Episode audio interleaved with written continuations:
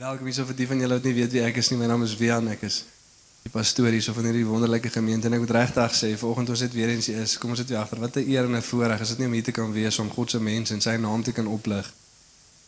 En die koninkryk van God saam te kan bou nie. Wat 'n voorreg. Hier te kom saam lekker mense en 'n goeie God se naam te kom oplig.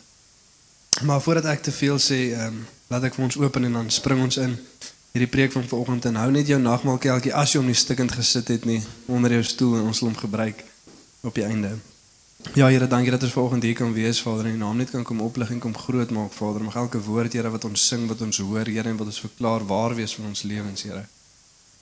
Nie net inligting nie, Here, maar verandering wat gebeur, Here, sodat ons nader aan U, Here. Ja, Vader, kom. Wys ons ook, Here, daai areas van ons lewens, Vader, waar ons baie weet, Here, maar min verander. Dat ons kan agterkom, Here, dat daar's Daar is ons lewe Vader en dele van ons lewe Vader wat ons nie altyd na U toe bring Here soos wat ons moet nie Vader. Maar wanneer ook al ons iets van U hoor Here of iets in die woord sien Vader en ons harte is gebind aan U Here en ons is een met U dan sal verandering plaasvind Here. Soos wat daai waarheid van die woord Here kom en 'n reinigingsproses in ons lewens laat plaasvind Here, soos wat Jesus gebid het in Johannes 17. Reinig hulle, heilig hulle in waarheid. U woord is waarheid. Vanoggend kom bid ons dit oor onsself Here, kom heilig ons in waarheid. Die woord is waarheid. Dankie Jesus dat U die weg, die waarheid in die lewe is. Dankie Heilige Gees dat U daai openbaring bring en verandering kom laat plaasvind. Van heerlikheid tot heerlikheid. Deur die Here wat die Gees is. Dankie Here dat U hier by ons is vanoggend. In Jesus naam. Amen. So vanoggend is ons nog steeds besig en ons gaan aan met ons reeks uh, myle in die skoene van en ons het al 'n paar interessante karakters gekyk. En vanoggend gaan ons kyk na paar denkbeeldige skoene. 'n Storie wat Jesus vertel vir 'n wetsgeleerde wat na hom toe kom en ons kyk na 'n myl in die skoene van die barmhartige Samaritaan. En ons titel van vanoggend is wanneer Jesus die hart toets. Nou ek glo die storie van die barmhartige Samaritaan is 'n storie wat ons almal ken, dalk al baie gehoor het. Honderde kere, 50 kere selfs daarna verwys het. Stories daaruit geleer het. En voordat ons inspring vandag wil ek ons vra wat dink jy leer die storie van die goeie Samaritaan vir ons? Ek weet die titel is nou as Jesus die hart toets maar. As daai titel nou nie daar was nie, wat dink jy leer die storie vir ons? Wat moet ons daaruit leer? Wat moet ons daaruit sien?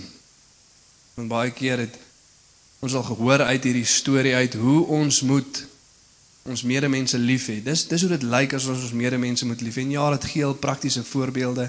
The costly compassion innige meegevoel, 'n liefde vir mense wat eintlik iets kos. Ja, ek's op pad iewers heen, ja, ek's besig, maar ek sal nog steeds my tyd, my besittings, my geld neerlê sodat ek die mense om my prakties kan lief hê. En ja, dit leer ons dit. En ja, dit wys vir ons 'n beeld van dit, maar dis nie hoofsaaklik wat die storie van die goeie Samaritaan ons wil leer nie. Dit wil ook nie soveel vir ons leer wie ons medemense is nie. Ons moet ons medemens lief hê soos onsself. 'n Vraag wat die wetsgeleerde vir Jesus vra, wie is dit? Ons sien toe Jesus antwoord nie so lekker die vraag van wie dit is nie, maar hy kom reguit na die punt en hy kom by die hart van die saak uit.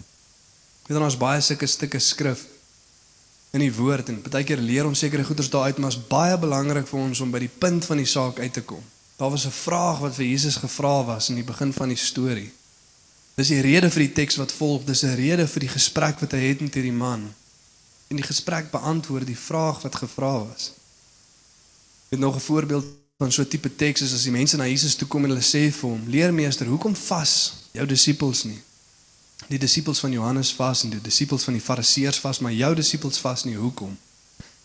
En dan verduidelik Jesus baie goeters en dan lees ons van die kleed wat stikkend is en hy kan nie 'n nuwe stuk lap kry nie want anders skeur dit oop en maak 'n groter een. Ons lees van die wynvelle. As jy kan nie ou wyn in nuwe wynvelle gooi nie, anders bars dit oop en alles gaan verlore, maar nuwe wyn is vir nuwe wynvelle. En ons baie wat ons leer, maar die hoofsaaklike punt wat gebeur is, die vraag word beantwoord. En dit is belangrik vir ons om vandag te sien wat is die vraag wat gevra word, sodat ons kan kyk maar wat is die antwoord wat Jesus dan vir die man gee. Wat is die kern van die saak? Wat is besig om hier so te gebeur? En ek dink dit is vir ons 'n baie belangrike storie veral waarin die konteks waarin ons lewe. Weet 'n tradisionele Afrikaner is mos maar min of meer 'n skrifgeleerde in sy eie reg. Ons almal word mos maar gebore Christene en weet party van ons weet nie eens as 'n ander opsie nie. Jy weet as jy praat Afrikaans in Suid-Afrika, dan is jy teen teen 'n Christen, nê? Nee. Wat ek gedink het. En dit is baie belangrik vir ons om die tema en die konsep te verstaan van wat Jesus hier vir die man leer. So kom ons lees lekker saam uit Lukas 10 van vers 25 tot 37. En dit lees as volg: Eendag het 'n wetskenner na vore gekom om Jesus te toets deur om hierdie vraag te vra: Leermeester, wat moet ek doen om die ewige lewe te ontvang? Daar's die vraag. Jesus het geantwoord: Wat sê die wet van Moses? Wat lees jy daarin? Hy antwoord: Jy moet die Here jou God lief hê met jou hele hart, met jou hele siel, met al jou krag en met jou hele verstand en jou naaste soos jouself. Jy het reg geantwoord, sê Jesus vir hom. Doen dit en jy sal die lewe verkry. Maar die man wou homself regverdig en vra te vir Jesus en wie is my medemens? En Jesus antwoord: 'n Joodse man was op reis van Jerusalem na Jerigo toe hy deur rowers aangeval is. Hulle het sy klere uitgetrek om aangerand en half dood langs die pad laat lê en toe is hulle voort. Dit gebeur toe dat daar 'n priester met daardie pad langs kom. En toe hy hom sien, gaan hy ver langs verby. Net so het daar ook 'n leviet by die plek gekom. En toe hy hom sien, gaan hy ook ver langs verby. Maar die kontras. 'n Samaritaan wat op reis was, het op hom afgekom. En toe hy hom sien, het hy hom innig jammer gekry. En hy het na hom toe gegaan, sy wonde met olie en wyn behandel en hulle verbind. Toe het hy hom sy rydier gehelp en hom na 'n herberg toe geneem en hom daar verder versorg. Die volgende dag haal hy twee muntstukke uit en gee dit aan die eienaar van die herberg en sê: "Sorg vir hom. En as jy meer on onkostes met hom het, sal ek jou betaal wanneer ek hier langs terugkom." Wie van hierdie 3 is volgens jou die naaste van hom wat onder die rowers verval het? Die wetgeleerde antwoord: "Die man wat aan hom medelee bewys het." Toe sê Jesus vir hom: "Gaan, maak jy ook so." 'n interessante stuk skrif en baie wat ons daaruit kan lees. Maar as ons die volg van die teks volg, dan sien ons wat moet ek doen om die ewige lewe te verkry? En dan eindig die teks met gaan maak jy ook so. Die vraag was beantwoord gewees. Maar om te begin daar by die vraag, as ons terug kan gaan na Lukas 10 van vers 25 na 28 toe. Interessant. Leermeester en wat ook interessant is van hierdie stuk het sê hy wou Jesus toets omdat hy bietjie vol kennis is, bietjie hoogmoedig, kom hy nie agter dat Jesus baie vinnig die toets omdraai nie. Hy het dit eers so halfpad deur die storie agtergekom. Hy wou vir Jesus toets en hy vra, "Wat moet ek doen om die ewige lewe te ontvang?" Daar's ons vraag. Dis wat beantwoord word hierso. En dan sê dit Jesus sê vir hom, "Waar staan in die wet van Moses geskryf? Wat lees jy daar?" En ewe skielik word die toets omgedraai. Dieselfde toets waarmee Jesus getoets word, word na die man mee getoets, maar hy kom dit nie so lekker agter nie totdat ons halfpad deur die storie is. En hy antwoord toe: Jy moet die Here jou God lief hê met jou hele hart, met jou hele siel, met al jou krag en met jou hele verstand en jou naaste soos jouself. En hierso is vir my die interessantste deel van hierdie teksvers. Jesus wat hoe antwoord in vers 28. Jy het reg geantwoord. Jy het reg geantwoord. Is dit nie interessant nie? Is Jesus nie veronderstel om vir die man te sê nee, jy kan niks doen om die ewige lewe te verkry nie? Glo in my. Is dit nie is dit nie die regte antwoord nie? Ons weet dat verlossing is deur genade alleen, deur geloof alleen, in Jesus alleen. So hoekom sê Jesus nie vir die man nee, jy kan niks doen om die ewige lewe te verkry nie, glo net in my. Om dit op 'n ander manier te vra, hy vra vir Jesus, wat moet ek doen om gered te word? En om vir ons daai vraag vanoggend te vra, sê nou maar iemand kom vandag na jou toe en hulle vra vir jou, wat moet ek doen om gered te word? Wat sal jou antwoord wees? Glo in Jesus. Hê geloof in God. Wat het Petrus en Paulus geskryf soos wat hulle die briewe aan die kerke skryf? Hê geloof, want die wat glo sal gered word. God het sy seun gestuur sodat die wat in hom glo die ewige lewe kan hê. So hoekom is hierdie die regte antwoord? Hoekom sê Jesus vir hom reg? Die regte antwoord gaan doen dit en jy sal lewe. En om die vraag te beantwoord moet ons verstaan die konteks van die man, wie hy is, hoe hy dink, hoe hy redeneer. Selfs soos ons tradisionele Afrikaners. Want as Jesus hom gesê het glo in God, sou wat sou wat sou sy antwoord gewees het? Ek glo mos. Dis mos eenvoudig. Ek glo mos.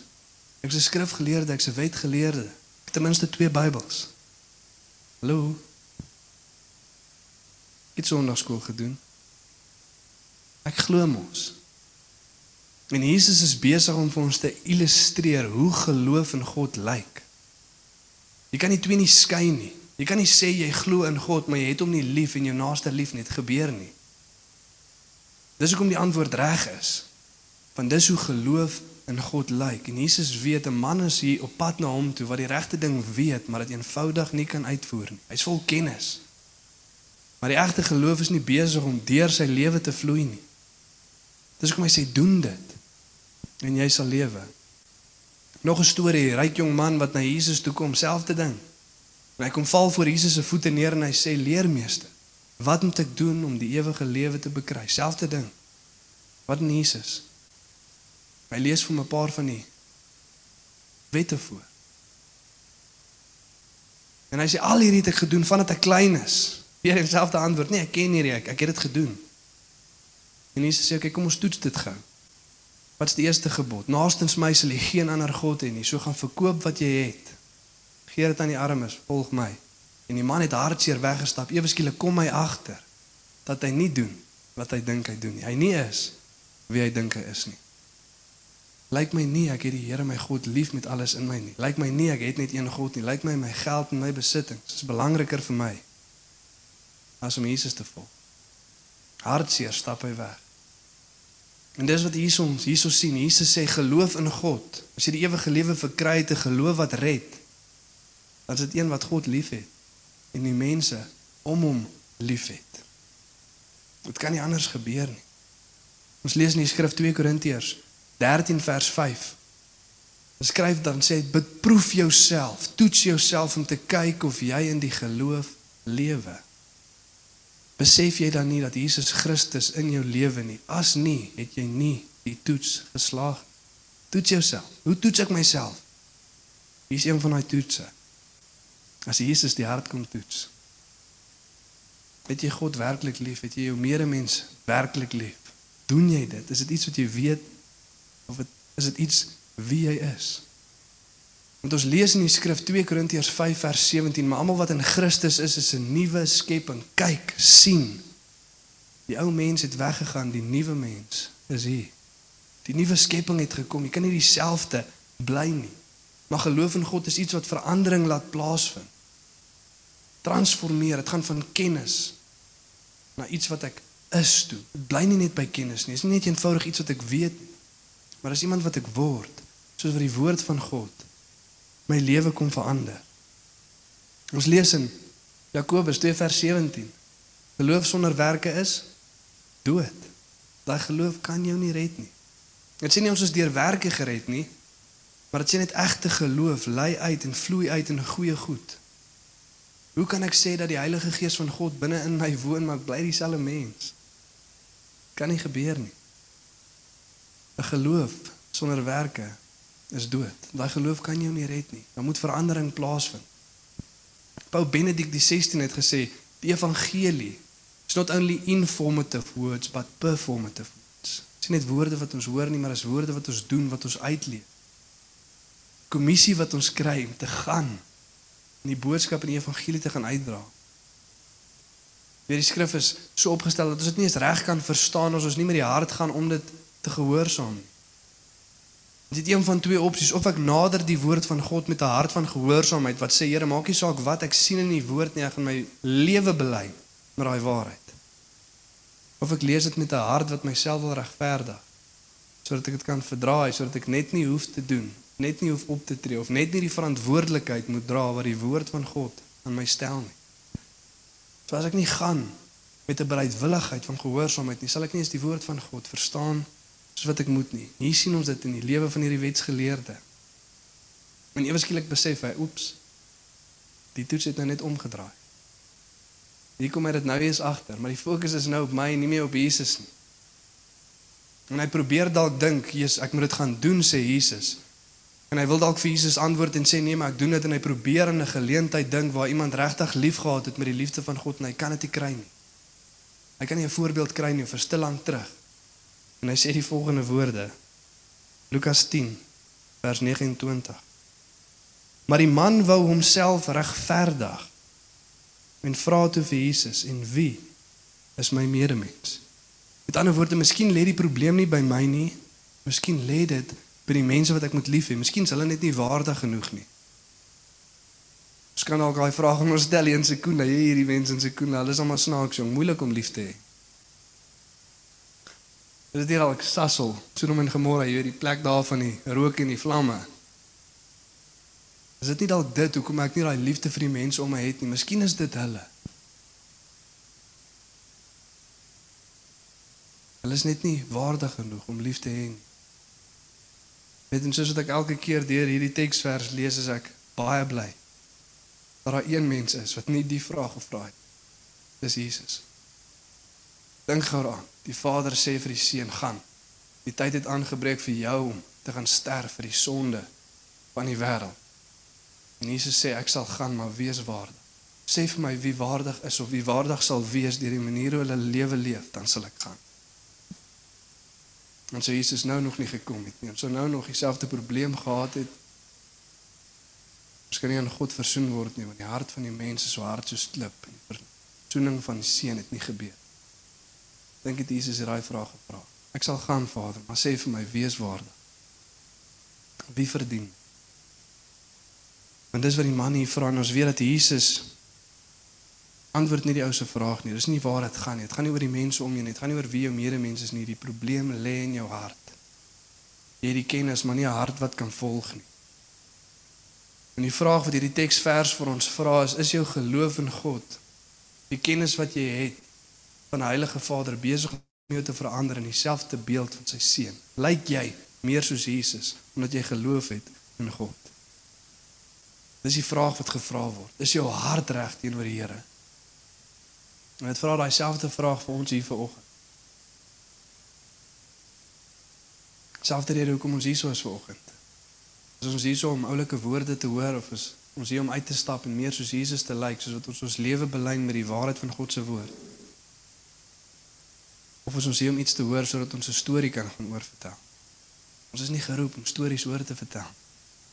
Ons geloop sodat waarheid ons lewe kan vorm sodat ons kan lyk soos Jesus en vir die wêreld kan gewys dat daar God is wat red. En Jesus kom by die prentjie uit en hy sê die probleme is jy laat nie toe dat die kennis wat jy het jou lewe vorm nie. So waar begin ons? Waar moet groei plaasvind? Waar moet hierdie proses van vorming plaasvind? Die antwoord is nie man se antwoord. Lukas 10:27. Hy het God geantwoord. Hy het vir Jesus gesê jy moet die Here jou God lief hê met jou hele hart en met jou hele siel en met al jou krag en met jou hele verstand en jou naaste soos jouself. Jy moet hom met jou verstand lief hê, met hom met jou krag lief hê, met jou siel, jou emosies en met dit wat jy doen. Engels som dit nogal mooi op your head, your heart and your hands. We need to love God with our head, our hearts and our hands. Alles van ons, ons verstand, ons emosies, wie ek is, die siel, die eie ek. Met al my krag. Dit moet uitvloei en deur my kom. Dit ge begin gewoonlik by kennis. Dit begin gewoonlik by die kop. Kolossense 3 vers 10 ons lees die volgende. En julle dit praat net nadat ons nie meer vir mekaar lieg in hierdie gemeenskap van gelowiges nie want ons het die ou mens afgelê en julle heel met die nuwe mens bekleed. het wat vernuwe word tot kennis na die beeld van sy skepper Ons word in kennis vernuwe na die beeld van ons Skepper. Soos wat ons hoor, soos wat ons sien en soos wat ons naby aan God is, dan word ons na dieselfde beeld toe verander.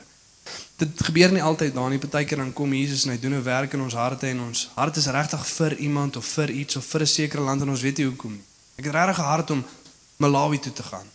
Ek en Robin, ons wil met alle mag en mening in ons wil ons na Hawaii toe gaan. Nee, ek mag dit te grapie. Almal weet hoekom mense Hawaii toe wil gaan. Bietjie Frankryk, Switserland dalk sendingswerk. Maar die eerste paar trips sal net wees om te gaan kyk. Ons wil Madagaskar toe gaan. Geen idee hoekom nie. Ons is nog nooit daar nie. Dit was nie iets wat deur kennis ingelig was. Ons het nie gehoor die mense daar so kort help of dit gaan sleg enigiets nie. Ons harte wil net so intoe gaan. En baie keer kom doen die Here dit. Met harte wees of wede wees. Kinders wat groot word sonder paas wat ook al dit mag wees, jy weet daar's iets in jou En jy weet net nog nie hoekom nie. So baie keer kom doen die Here dit, maar meestal gebeur dit by kennis. Die Here kom doen 'n werk in ons kop en ons verstand, die manier hoe ons dink en die lewe sien. Dan volg ons emosie, dan volg ons hande. Jesus sê wat ek gesê het in Johannes 17 vers 17, heilig hulle in waarheid, die woord is waarheid. En om vir ons 'n praktiese voorbeeld te gee, dalk sou iemand in jou lewe, ek dink ons almal kan min of meer aan so iemand dink, maar as hierdie persoon hy frustreer jou net so bietjie. Irriteer jou. Jy weet jy hoekom doen hy wat hy doen of sê hy wat hy sê of tree op soos wat hy optree? Frustreer my bietjie hierdie karakter. En jy kan net hom nie lekker lief hê soos jy veronderstel is om hom lief te hê nie. Hy frustreer jou. En dan kom jy agter, iemand vertel jou, jy word ingelig, jy kennis kom waar deur daai persoon was. Die goed wat hy ervaar het in lewe of dit waar deur hy gaan op die oomblik en eweslik draai jou hart.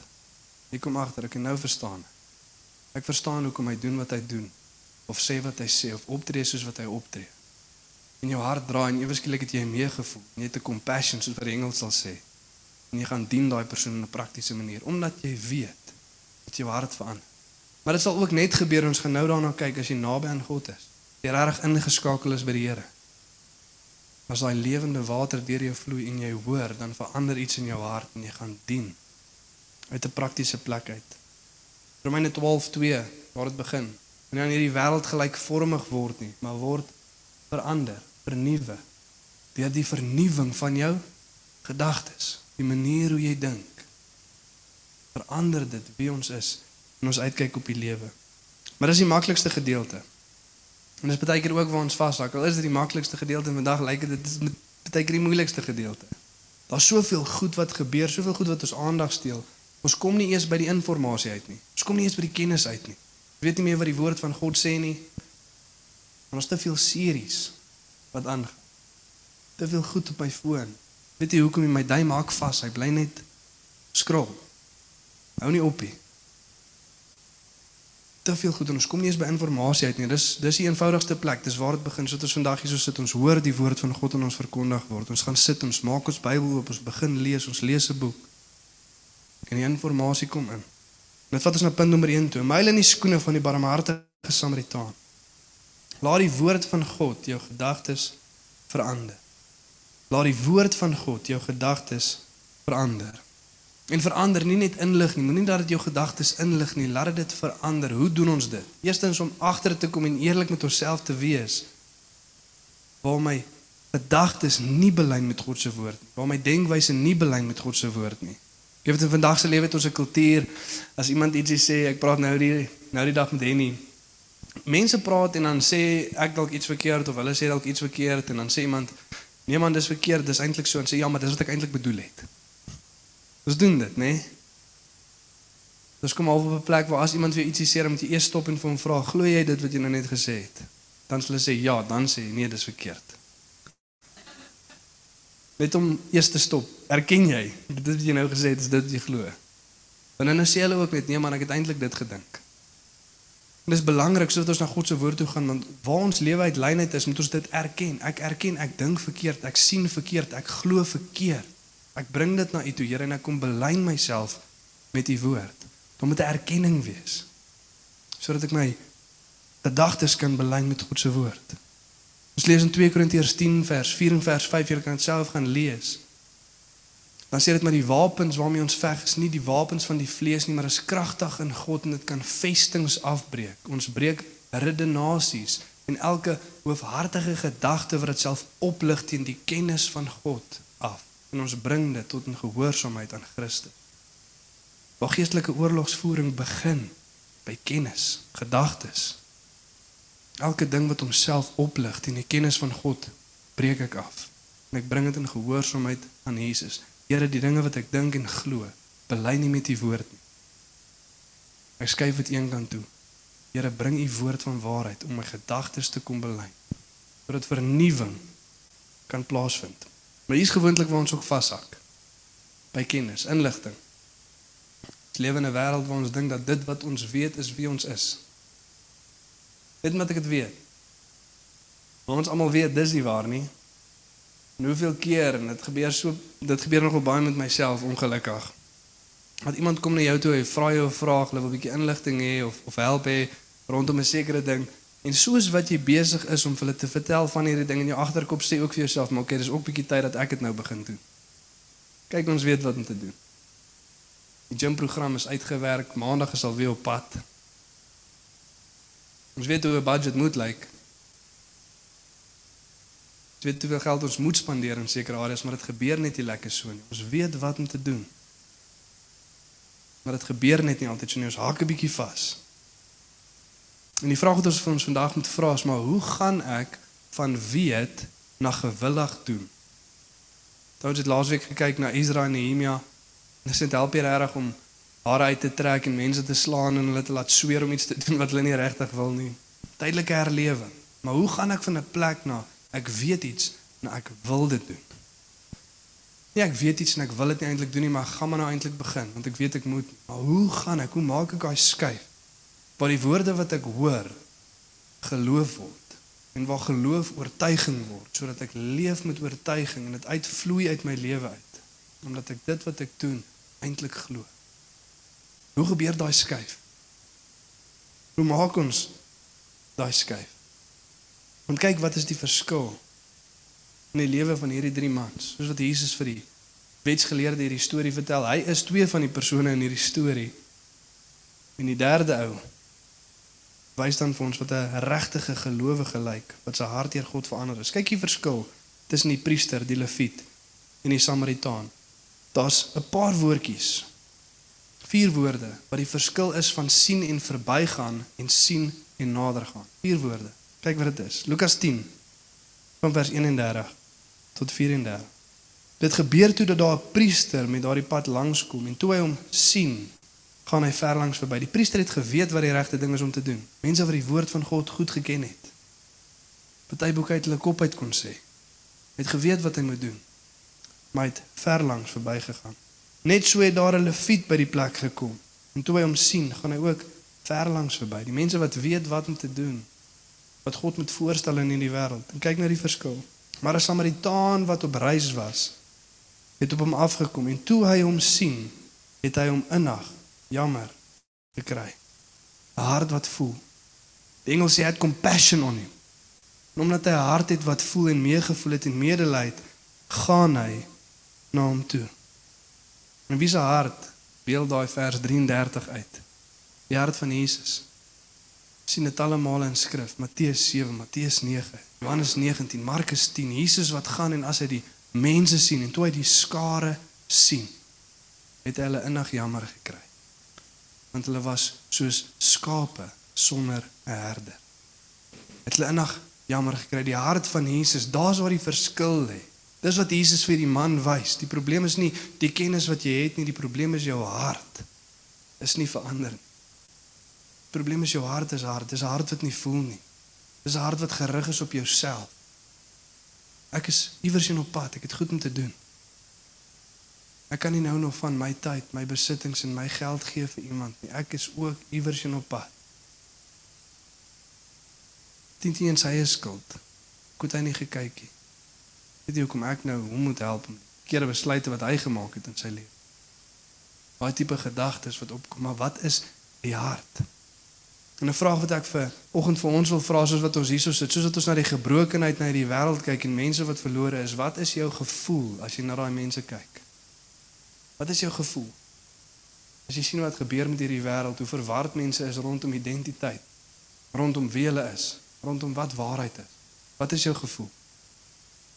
Is daar 'n negatiewe gevoel wat in jou hart opkruip en sê: "Nee wat? Hulle moet maar maak so wat hulle maak."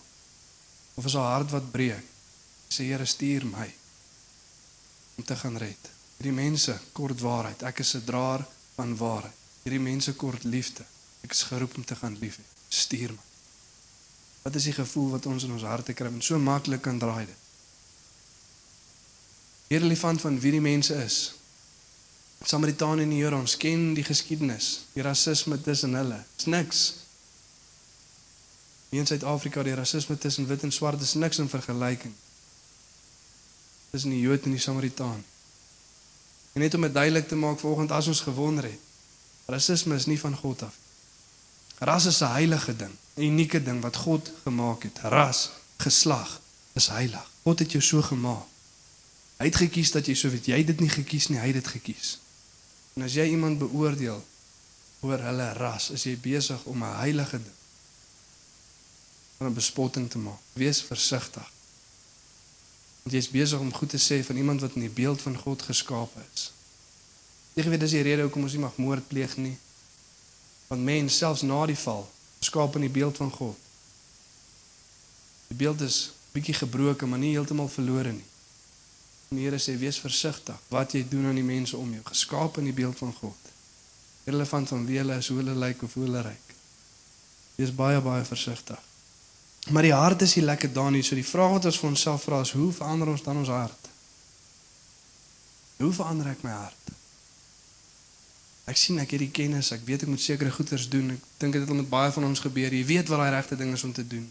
Jy weet jy's geroep om almal onverwaarlik lief te hê, maar tog sukkel ons met sekere goed en sekere mense. Hoe verander ek dit? Kan jy jou hart verander? Die antwoord is nee. Dis die einde van vanoggend se boodskap. Gelukkig nie. Ons kan nie ons hart verander nie, maar dis nie die einde nie. Ons lees in Jesegiel 36 vers 26.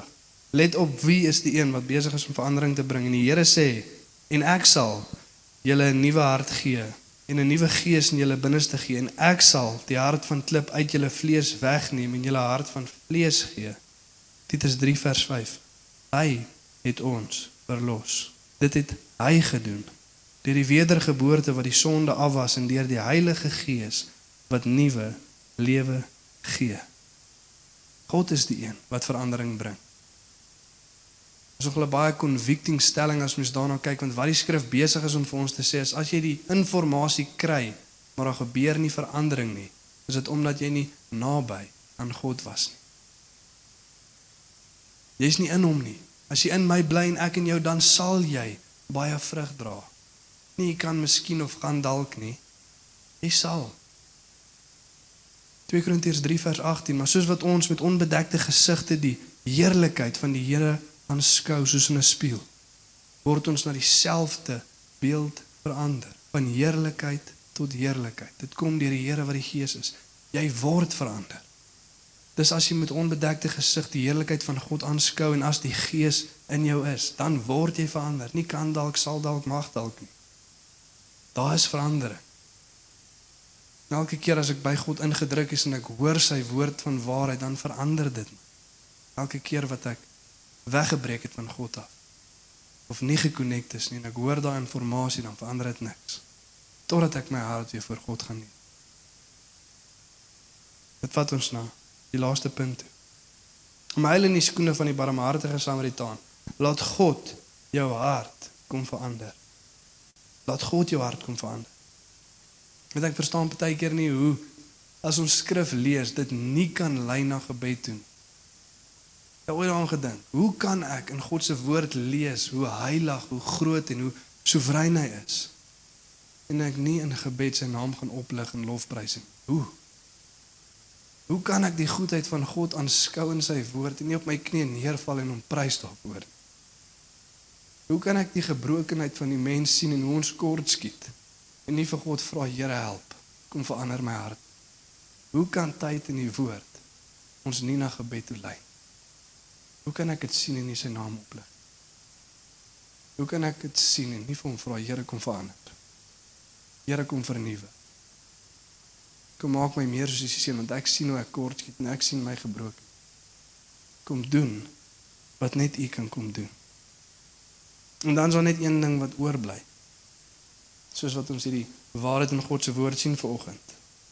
En ek los ons met die volgende twee verse. Lukas 10 vers 28 en 37. Jy het reg geantwoord, sê Jesus vir hom. Doen dit en jy sal die lewe verkry. Jy weet geleerde antwoord die man wat aan hom medelee bewys het. Toe sê Jesus vir hom: "Gaan maak jy ook so." Dis wat vanoggend oorbly, gaan doen dit. Maar soos wat ons dit gaan doen, kom ons bring ons harte voor die Here en sê vir hom: "Hier is dit uit lyn uit, Here." Hier sou ek dink en hoe ek voel, nie in lyn met u woord nie, maar soos wat ek dit gaan doen, wil u nie kom verandering bring nie. Wil u nie my hart kom verander nie. U moet nie weer belyn met die woord van waarheid. Maar ek gaan dit gaan doen. En party van ons hak 'n bietjie vas daar by die doen. Jy weet wie die mense is, jy weet wie die woord van God nodig het, jy weet hoe daai liefde lyk. Sien net altyd fisiese behoeftes nie, maar die beste ding wat ons in hierdie wêreld vir enige iemand kan doen is vir hulle die woorde van die evangelie gaan verkondig en disippels kan gemaak van die nasies. Dis die beste ding wat jy vir hulle kan doen. Dis die beste ding wat jy vir jou kinders kan doen, vir jou familie en vir die mense by jou werk. Leer hulle van God. Maak disippels. Ons nie meer liefdevolle ding wat jy vir hulle kan doen as dit. Jy weet wie dit is, maar begin dit doen. En party van ons moet weer bietjie begin gaan. Die pandemie, COVID. Ons gaan nie meer uit, uit ons huise uit nie. Ons sit ons werk van die huis af, ons kom kerk toe, ons gaan selfgroep toe. Ons kom bid saam. Ons is kom ring deur gelowiges, ons gaan nie meer nie, so ons sien nie meer nie. Ons sien nie meer die gebrokenheid van hierdie wêreld om ons. Ons kom nie meer in kontak met die mense wat Jesus nodig het nie. Gaan dan doen dieselfde. Dan vra die Here om jou te lei na daai plekke toe. Waar mense langs die pad lê, fisies, geestelik, emosioneel. Sodat ons hulle kan gaan help. Miskien is jy vanoggend iemand wat langs die pad lê. Miskien lê jy fisies langs die pad, geestelik, emosioneel. Roep uit. Roep uit as iemand sien verbyloop. Kyk om na die mense om jou toe. Dis mense om jou. Roep uit. Moenie net daar lê nie. Wat sê ek kort? Hulle die eerste persoon na wie ons altyd toe uitroep, eerste God. Maar kom ons roep uit na die mense om ons toe. Kom ons staan volgende op en aan. Bid ons lekker saam.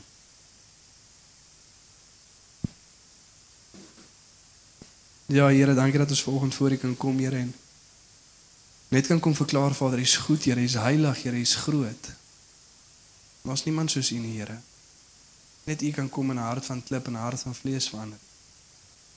Net U kan kom in die gees op ons uit. Net U kan kom lewe maak van droë bene. Ons kom roep uit Here en kom vra vir oggend vir U om te kom doen wat net U kan kom doen. Ons om harte te kom verander, Here. Ons te kom vernuwe, Here, soos wat ons U woord hoor, Here, soos wat ons U aanskou, Vader.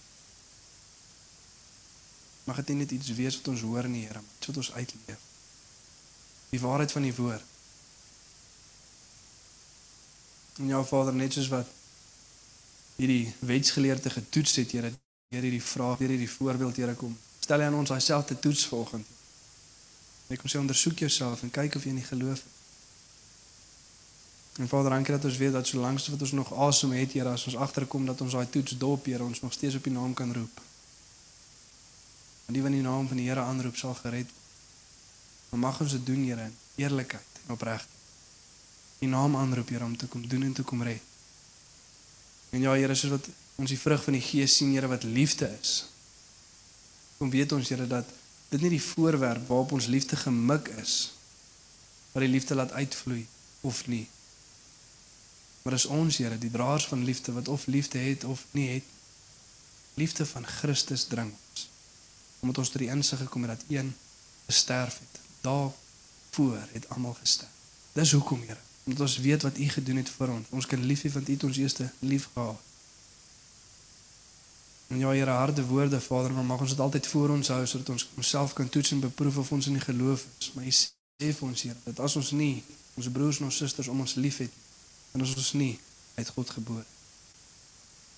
En ja, Vader, dankie dat ons dit opnuut elke liewe deel van ons harte voor u kan kom bring. Ek kom dankie sê vir wie u is.